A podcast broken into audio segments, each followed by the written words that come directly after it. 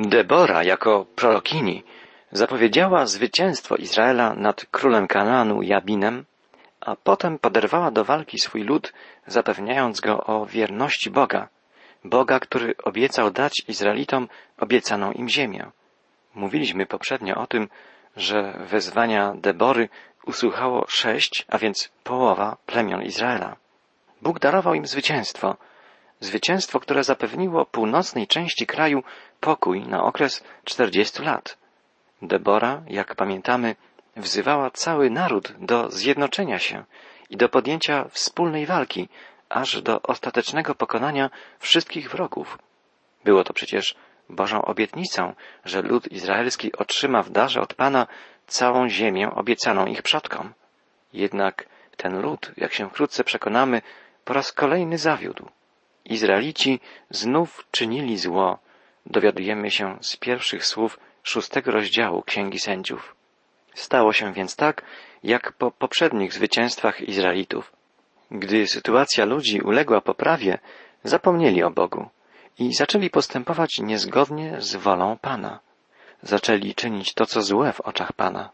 I Bóg wydał ich na powrót w ręce wrogów. I znów, gdy Izraelici zaczęli wołać do Pana, Bóg wzbudził im sędziego, który miał poprowadzić ich do zwycięstwa. Tym razem sędzią tym był Gedeon. Gedeon był piątym z kolei sędzią Izraela. Jego powołanie na urząd sędziego opisuje szósty rozdział Księgi Sędziów. W rozdziale siódmym zaś opisane są jego czyny. Bóg zamanifestował w potężny sposób swoją moc poprzez służbę Gedeona. Gedeon jest jedną z najbardziej interesujących postaci Księgi Sędziów. Bóg powołał go do wykonania wielkiego dzieła. Sam Gedeon jednak, jako człowiek, nie wyróżniał się jakimiś szczególnymi cechami. Był, możemy powiedzieć, przeciętnym człowiekiem. Miał swoje wady i słabości, tak jak i wszyscy pozostali sędziowie izraelscy. Jego moc pochodziła od ducha Pana, ducha Bożego. Patrząc na postać Gedeona, możemy dokonać refleksji nad swoim własnym postępowaniem i możemy z zaufaniem powierzyć Bogu to, co posiadamy, samych siebie, takimi, jakimi jesteśmy. Bóg może sprawić, gdy będziemy gotowi do poświęcenia Mu w służbę swoich ograniczonych sił i zdolności, że staniemy się uczestnikami rzeczy wielkich. Czy nie jest to wspaniałe zachęcenie? Przypatrzmy się więc postaci piątego z kolei sędziego Izraela, Gedeona. Przedtem mówiliśmy o Otnielu, o Echudzie, Szamgarze i o Deborze, jedynej w gronie sędziów kobiecie. Wielu historyków przez długi okres czasu bardzo sceptycznie odnosiło się do tych postaci i do całego okresu sędziów w ogóle. Nie dawano wiary tak niezwykłym wydarzeniom, jakie Księga Sędziów opisuje, ponieważ nie znajdowano potwierdzenia ich autentyczności w zapisach historyków świeckich. Znany był jedynie zapis biblijny.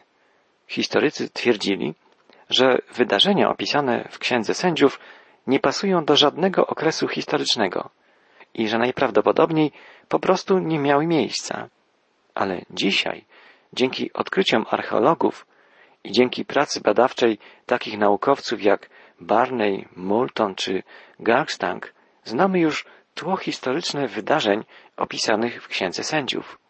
Wiemy na przykład, że w tamtych czasach, przypadających na XIII, XII i XI wiek przed naszą erą, zaczęła słabnąć potęga Egiptu. Pod koniec tego okresu Egipt, dawniejsze mocarstwo, był już krajem bardzo słabym. Doprowadziły do tego głównie kolejne rządy słabych, nieudolnych faraonów. Egiptem wstrząsały różne konflikty wewnętrzne. W efekcie jego władcy utracili kontrolę nad swoimi koloniami. Odległe, a potem coraz bliższe centrum obszary dawnego mocarstwa zaczęły plądrować ludy nomadów wędrujących po pustyni w poszukiwaniu terenów bardziej żyznych i urodzajnych. Ten proces postępował przez wiele lat.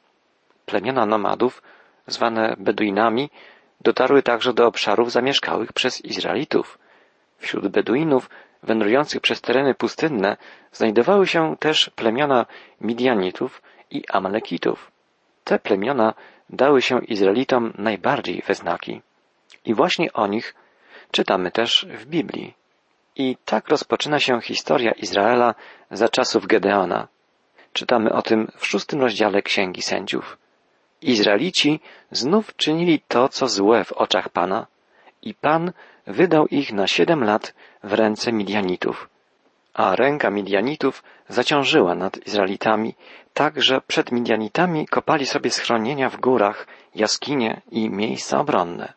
Zdarzało się, że ledwie Izraelici, co zasiali, przychodzili Midianici i Amalekici oraz lud ze wschodu słońca i napadali na nich. A rozbijając obozy naprzeciwko nich, niszczyli plony ziemi aż ku granicom gazy. Nie pozostawiali Izraelowi żadnych środków do życia, ani owiec, ani wołów, ani osłów. Midianici i Amalekici nie uprawiali ziemi. Wędrowali po pustyni i napadali na ludy osiadłe na ziemiach uprawnych, rabując ich plony. Ten los spotkał także Izraelitów. Ich plony plądrowali Midianici i Amalekici, a oni sami musieli uciekać w góry, gdzie chronili się w jaskiniach i grotach.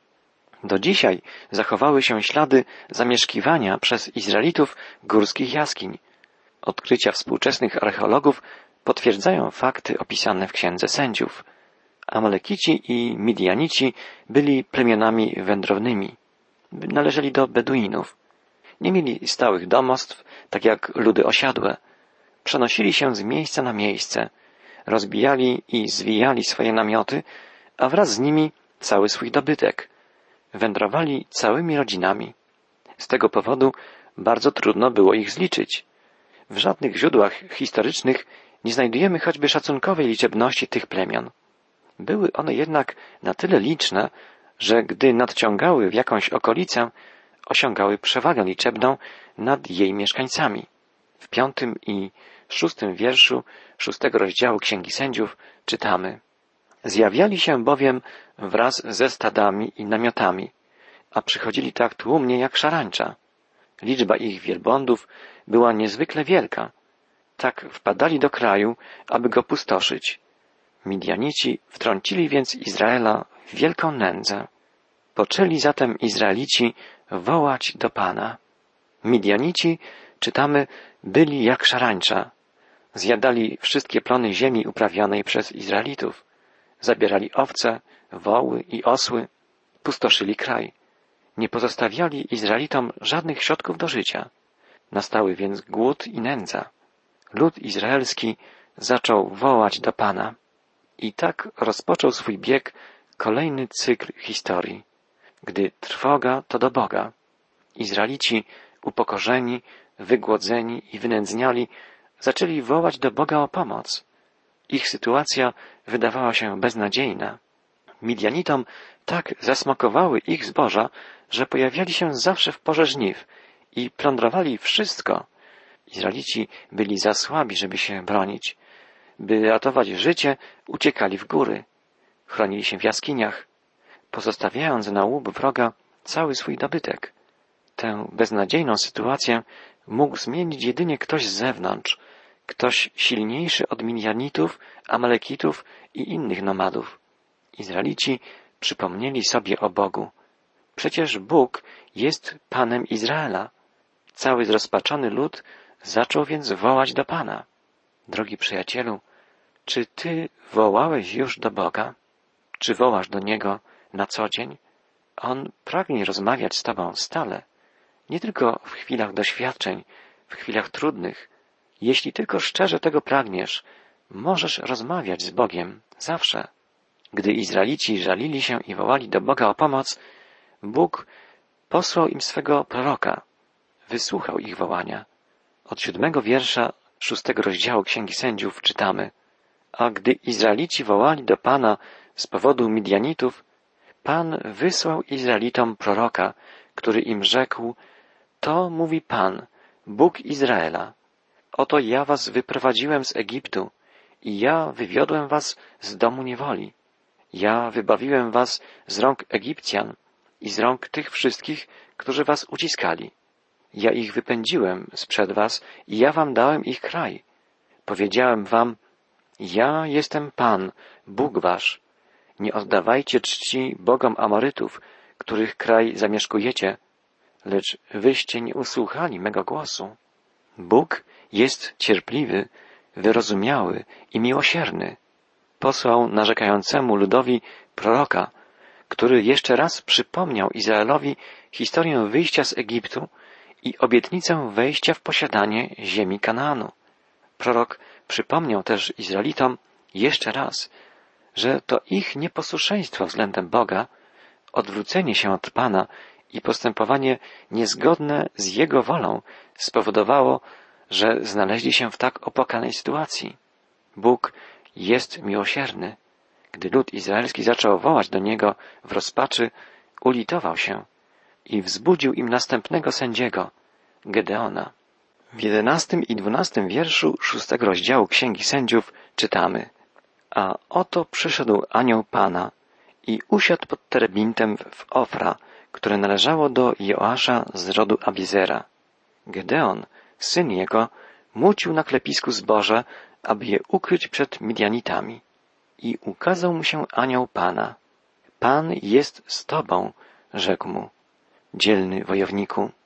Poznajemy Gedeona jako młodego człowieka zajmującego się młóceniem zboża. Nie przypomina on w niczym bohatera. Muci zboże pokryjomu w ukryciu przed Midianitami, żeby ziarno nie stało się ich łupem. W oryginalnym hebrajskim tekście mowa jest o tym, że Gedeon mucił zboże nie na specjalnie do tego przygotowanym klepisku, ale na miejscu przeznaczonym do tłoczenia winorośli. Klepisko bowiem znajdowało się zawsze na wzgórzu, tak żeby wiejący tam wiatr wywiewał w czasie młódzki plewy. Natomiast tłocznia winogron znajdowała się zawsze u stóp wzgórza, tak żeby łatwo było znieść na to miejsce winne grona dojrzewające na zboczach. I właśnie tam, w dolinie, mucił zboże swego ojca Gedeon.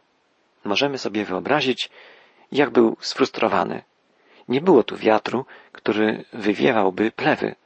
Mucenie tutaj było uciążliwe i bardzo mało wydajne. Gedeon bał się jednak wyjść na wzgórze. Tam mogliby go dostrzec Midianici. Jednak kiedy plewy zmuconego zboża, zamiast być unoszone przez wiatr, opadały na klepisko wraz z ziarnem, a ponadto wpychały się mu za koszulę, pewnie zastanawiał się, a może jednak by pójść na szczyt i tam porządnie wymucić? Przecież tutaj można zwariować. Ale jak mnie zobaczą Midianici, nie, lepiej zostanę tutaj.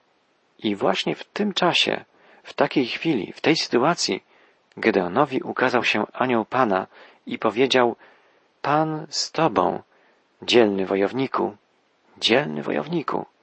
Drogi słuchaczu, jak sądzisz, czy Bóg ma poczucie humoru? Ja myślę, że tak. Wystarczy spojrzeć na Gedeona i usłyszeć słowa anioła. Jeden z moich przyjaciół na pytanie, czy Bóg ma poczucie humoru, odpowiadał, jasne, że tak. Wystarczy spojrzeć w lustro i przypatrzyć się sobie samemu. Oczywiście Biblia jest księgą poruszającą najpoważniejsze tematy, tematy dotyczące naszego życia. Dowiadujemy się z niej całej prawdy o naszej złej, grzesznej naturze, a także o świętości i sprawiedliwości Boga. Bóg objawia się nam jednak w Biblii przede wszystkim jako Bóg kochający nas, jako Bóg pełen miłości, Bóg troszczący się o nas i także jako Bóg posiadający znakomite poczucie humoru. Jeśli tego w naszej Biblii nie dostrzeżemy, możemy pomyśleć, że Bóg jest jakimś posępnym, a Jego słowo objawione w Biblii nie będzie dla nas wtedy tak interesujące i radosne, jakim jest w rzeczywistości. Pan Jezus Chrystus też miał wspaniałe poczucie humoru. Pamiętamy, że gdy czytaliśmy wspólnie słowa Ewangelii, zwracaliśmy nieraz uwagę na wydarzenia, które za sprawą Jezusa mogły nas pobudzić do szczerego śmiechu i z pewnością wywoływały uśmiech ludzi Jezusowi współczesnych. Przypomnijmy sobie choćby jedną wypowiedź Jezusa zapisaną w Ewangelii Mateusza. Pewnego dnia Jezus powiedział faryzeuszom, przewodnicy ślepi, którzy przecedzacie komara, a połykacie wielbłąda. Wystarczy przyjrzeć się wielbłądowi. żeby uśmiechnąć się, słysząc te słowa Jezusa. Możemy sobie wyobrazić faryzeusza połykającego kościstego wielbłąda. Możemy sobie też wyobrazić zdumienie Gedeona, gdy usłyszał słowa anioła Pan jest z tobą, dzielny wojowniku. Nie mamy w Biblii dokładnego opisu reakcji Gedeona na te niezwykłe słowa, ale kto wie, czy Gedeon nie obejrzał się za siebie, czy nie stoi za nim ktoś inny, do kogo zwraca się anioł. Jego słowa nie pasowały przecież w ogóle do Gedeona, mucącego cichaczem zboże swego ojca, ukrywającego się w dolince w obawie przed Midianitami. Ale Bóg wybrał właśnie Gedeona, nie grzeszącego jakąś szczególną odwagą czy wizją działania, zwykłego człowieka. Pan chce go zachęcić, wzmocnić i przygotować do wykonania ważnego zadania. Przeczytajmy następny wiersz. Odpowiedział mu Gedeon, wybacz, panie mój, jeżeli Pan jest z nami, skąd pochodzi to wszystko, co się nam przydarza? Gdzież są te wszystkie dziwy, o których opowiadają nam ojcowie nasi, mówiąc, czyż Pan nie wywiódł nas z Egiptu? A oto teraz Pan nas opuścił i oddał nas w ręce Midianitów. Widzimy, że Gedeon nie jest człowiekiem jakiejś szczególnej wiary. Reprezentuje raczej poglądy przeciętnego, zaślepionego grzechem człowieka. To Bóg jest według niego tak jak według ogromnej większości ludzi dzisiaj, winien niepowodzeń, nieszczęść, niedoli człowieka i całej ludzkości. To nie ludzie odwrócili się od Boga, to Bóg odwrócił się od ludzi. To Pan nas opuścił, mówi Gedeon do anioła, wysłannika Pana. Czy nie jest to zdumiewające? A jednak często my myślimy, mówimy i postępujemy zupełnie podobnie. Jakże bardzo pocieszające jest więc to, że Bóg takiego człowieka jak Gedeon, jak my, może dotknąć, może przemienić i powołać do działania na rzecz swego królestwa. Jak bardzo miłosierny, cierpliwy i dobry jest nasz Pan.